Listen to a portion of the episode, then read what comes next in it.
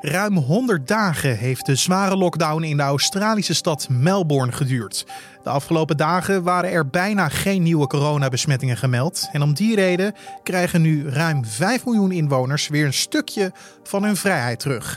Maar de overheid blijft scherp op eventuele nieuwe besmettingen. Dit wordt het nieuws. Nog steeds mensen die vanuit het buitenland terug naar Australië komen, die moeten nog steeds in, uh, in een hotel in, in quarantaine. Uh, dat moet je zelf betalen. Dat kost uh, 3000 dollar per persoon. En ja, om te zorgen dat die, dat die mensen ook daadwerkelijk daar blijven, is daar, is daar beveiliging. Dat was Jelmer Stellingwerf, die sinds vorig jaar augustus in Melbourne woont. En hij praat ons straks bij over hoe hij deze zware lockdown heeft ervaren en hoe zij nu naar andere landen kijken. Maar eerst kijken we kort naar het belangrijkste nieuws van nu. Mijn naam is Carne van der Brink. Het is vandaag woensdag 28 oktober en je luistert naar de Dit wordt het nieuws middagpodcast.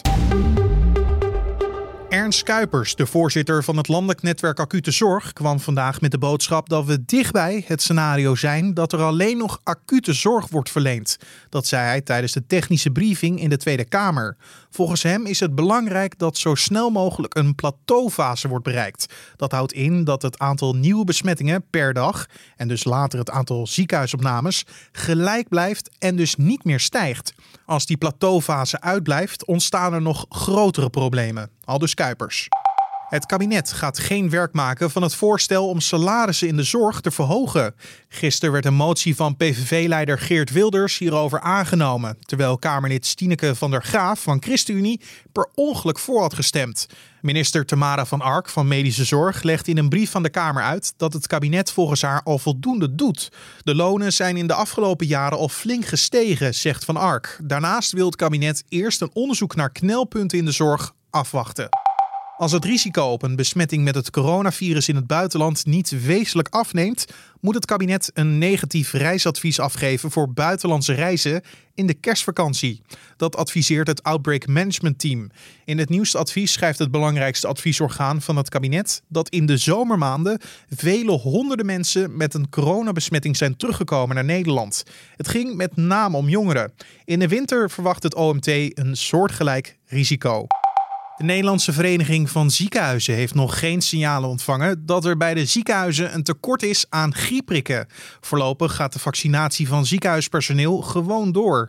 Gisteren werd bekend dat er bij de griepvaccinatie van 60-plussers en mensen met een medische aandoening een tekort dreigt. Om deze reden riep staatssecretaris Paul Blokhuis gezonde 60ers op om voorlopig niet in te gaan op de jaarlijkse griepprikuitnodiging.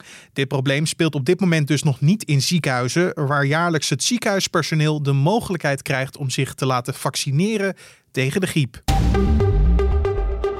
That now is the time to open up.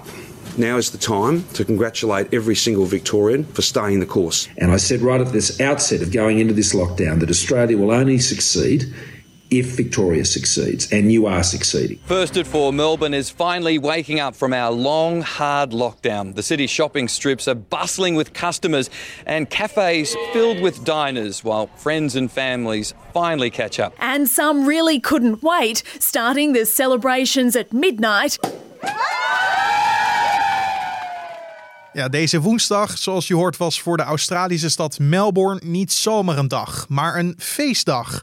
Want na drie maanden is daar de lockdown opgeheven. De deelstaat Victoria, waarvan Melbourne de hoofdstad is, was het zwaarst getroffen door het coronavirus in Australië. De stad met ruim 5 miljoen inwoners zien nu restaurants en cafés weer opengaan. En ook mogen inwoners meer mensen over de vloer hebben. Nederlander Jelmer Stellingwerf woont sinds vorig jaar in Melbourne en heeft dus deze zware tijd meegemaakt. Ik vroeg hem hoe de coronasituatie in Melbourne was voordat de lockdown inging. Ja, daarvoor was het eigenlijk best wel goed. Um, we hadden weinig gevallen. We zaten natuurlijk nog uh, in de zomer. Dus ja, we, hadden het eigenlijk wel aardig onder controle. De eerste wave die, die viel eigenlijk wel mee. Uh, er waren ook bijna geen, geen doden. Op dat moment denk ik dat we maximaal 100 doden hadden. Uh, terwijl ja, in Europa het er heel anders uh, voor stond. Dus dat ging best wel goed eigenlijk. En uh, ja, in, in Victoria en Melbourne waren ook de minste aantal gevallen van Australië voor de, ja, voor de grotere steden dan. Dus dan um, in vergelijking met Sydney en Brisbane. Dus dat ging wel goed totdat, totdat het fout ging. En dan komen we eigenlijk ja, richting, de, richting de stage tree lockdown noemen ze dat. Dat was in, in juli. En dat kwam eigenlijk doordat mensen ja, weer terugkwamen van, uh, vanuit het buitenland naar Australië. Die moesten in, uh, in lockdown in een hotel, twee weken verplicht. Dus daar, daar kon niemand onderuit. Ja, in Melbourne is dat fout gegaan. Uh, en zijn er ja, mensen die dus corona hadden, hebben beveiligers uh, besmet. En die hebben dat verspreid in, ja, in, de, in de stad. En toen ging het snel. Het is dus mogelijk fout gegaan bij uh, wie Australië inkwam en in welke gezondheidstoestand. Maar daar zat dus al een extreme controle op. Ja, ja je moet nog steeds mensen die vanuit het buitenland terug naar Australië komen, die moeten nog steeds in, uh, in een hotel in, in quarantaine. Dat moet je zelf betalen. Dat kost 3000 dollar per persoon. En ja, om te zorgen dat die, dat die mensen ook daadwerkelijk daar blijven, is daar, is daar beveiliging. En in de meeste steden en hotels was dat politie of zelfs leger. Maar hier in Melbourne waren dat uh, gewoon uh, ja, uh, uitbesteden beveiligers. Die dat blijkbaar niet zo nauw namen met de regels.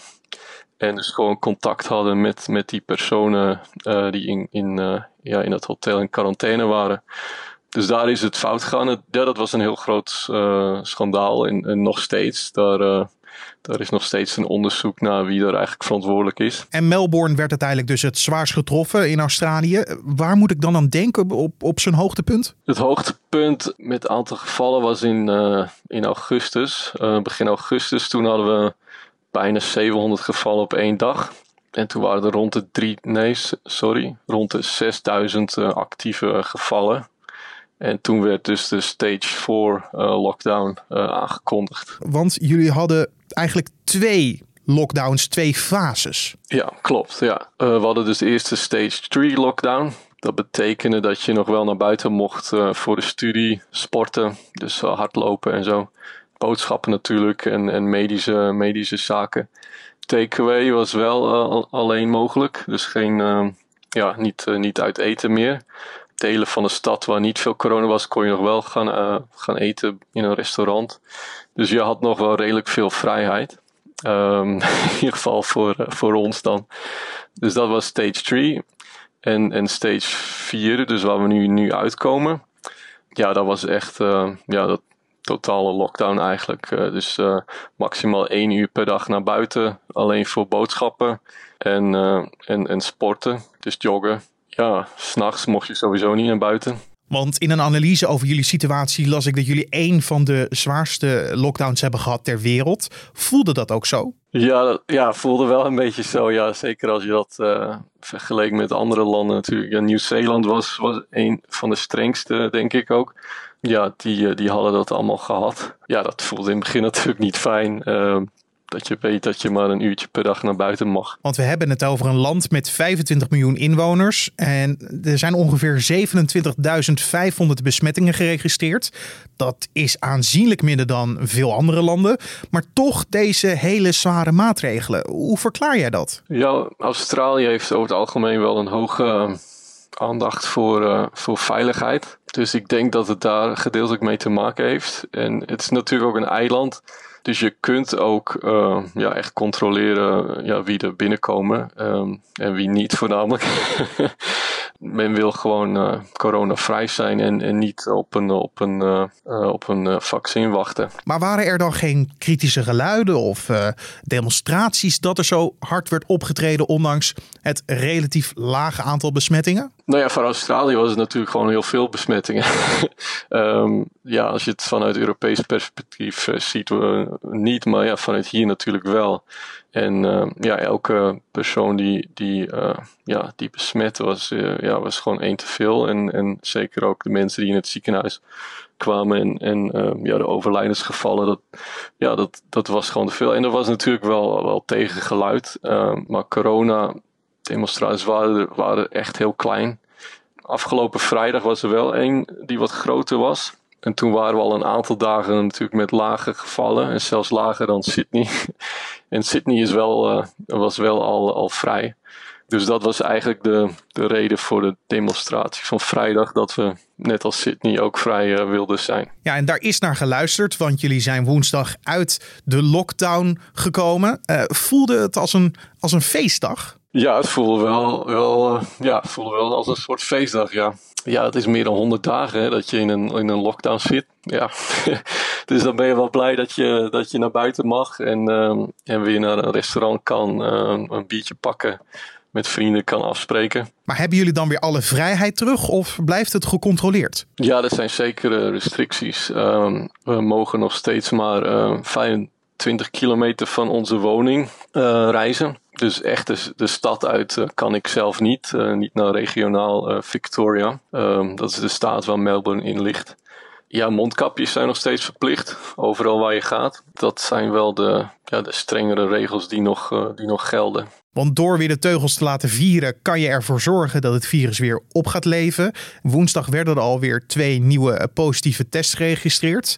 Hoe willen ze het onder controle houden? Ja, we hadden dus uh, twee dagen met uh, helemaal niks. En uh, ja, gisteren waren dus twee gevallen. Ja, de, de regering zegt eigenlijk zo, zolang wij weten waar die vandaan komen en de contract tracing, uh, contact tracing uh, op orde is, dan kunnen we dat uh, in toom houden. En ja, dat, dat is nu ook het geval. Die twee die zijn bekend. men weet dat, dat zij al in, in, in quarantaine thuis zaten, omdat ze met andere mensen in contact waren geweest die, die corona hadden.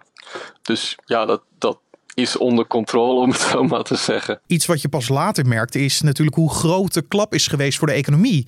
Zijn daar veel zorgen over? Tuurlijk, ja, er zijn natuurlijk uh, uh, zorgen, uh, banen verloren. Dat, dat was natuurlijk ook het grootste punt dat, dat mensen ja, uit de lockdown wilden. kijk alleen maar naar de restaurants en, en, en de pubs die die bijna geen omzet hebben gedraaid. Dat is, uh, daar was zeker kritiek op. Um, ook construction, uh, wat, wat bijna stil lag. Maar de staat heeft wel um, ja, veel geld in de economie gepompt. Er was bijvoorbeeld JobKeeper, heet dat.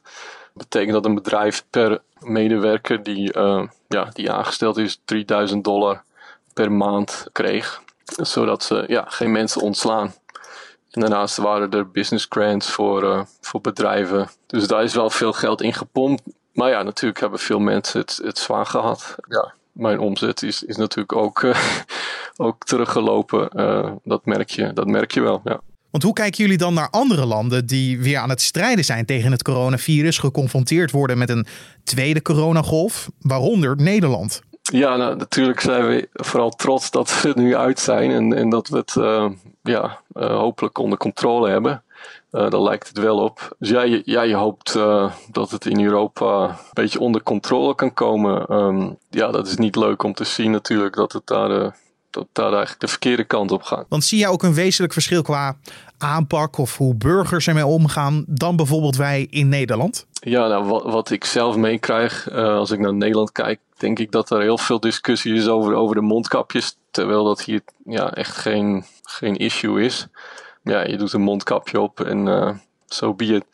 Dat is natuurlijk lastig oordelen voor mij uh, uh, aan de andere kant van de wereld. Maar ik denk dat, dat in Nederland er iets te, ja, iets te makkelijk mee om is gegaan. En, en niet, niet duidelijk genoeg is aangegeven. dit wordt verwacht van, van de mensen dit gaan we doen en, en zo gaan we eruit komen. Dat is, dat is hier wel altijd heel, heel duidelijk gecommuniceerd. Um, van jongens, we hebben verschillende lockdown niveaus. Als dit gebeurt, um, ja, zijn dat de gevolgen, et cetera. En uh, ja, iedereen moet dit doen.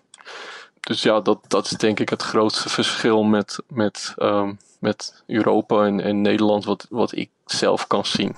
Want ons vooruitzicht is dat wij een gure winter nu tegemoet gaan, ook vanwege de coronamaatregelen, die in ieder geval tot december gaan duren. Uh, jullie gaan de zomer nu tegemoet. Hoe zie jij de komende maanden voor je? Ja, uh, nou ja, de zomer is, uh, is natuurlijk altijd een, mooie tijd hier. Um, ja, hopelijk kunnen we in december weer een beetje door Australië reizen. momenteel zijn de, zijn de grenzen naar andere staten dicht ja, echt op vakantie eh, binnen Australië wordt lastig. Um, wij mogen dus ook nog niet echt ja, naar de regio van, van, van Victoria. Dus ja, dat blijft afwachten hoe, hoe zich dat gaat ontwikkelen. Maar ja, Het strand is wel binnen 25 kilometer. Dus ehm, ja, daar kunnen we wel naartoe. En hier vanuit Nederland ben ik toch wel een klein beetje jaloers op Jelmer Stellingwerf vanuit Melbourne, Australië. En dan het weer. De rest van de dag blijven buien met kans op hagel en onweer overtrekken. Soms kan het wel opklaren. De temperatuur ligt eerst rond een graad of 12 en daalt vannacht tijdens opklaringen naar 8 graden. De buien zijn ook vannacht actief, maar later in de nacht en morgenochtend is het bijna overal droog. In de eerste ochtenduren kan de zon even gaan schijnen, vooral in het noordoosten. Vanuit het zuidwesten raakt het al snel weer bewolkt. In de middag en avond regent het enige tijd en na de regen wordt milde lucht aangevoerd. In de avond is het dan zo'n 14 graden.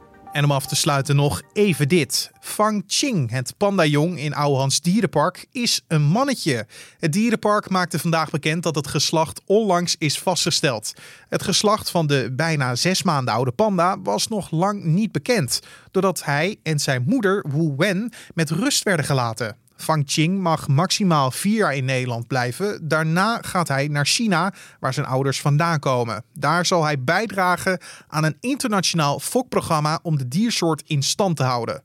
Naar verwachting is Fang Qing half november te zien voor publiek. En tot zover de Dit Wordt Het Nieuws podcast voor deze woensdagmiddag 28 oktober. Help ons met feedback, vragen of suggesties door te sturen naar ons mailadres podcast.nu.nl podcast.nu.nl of laat een recensie achter bij Apple Podcast. Zet erin wat je goed vindt aan deze podcast of wat je graag beter zou willen zien. Laat het ons vooral weten. En je kan je ook gratis abonneren op deze podcast. Zo staat hij elke dag voor je klaar. Mijn naam is Carne van der Brink. Ik wens je een hele mooie dag. Bedankt voor het luisteren en tot de volgende.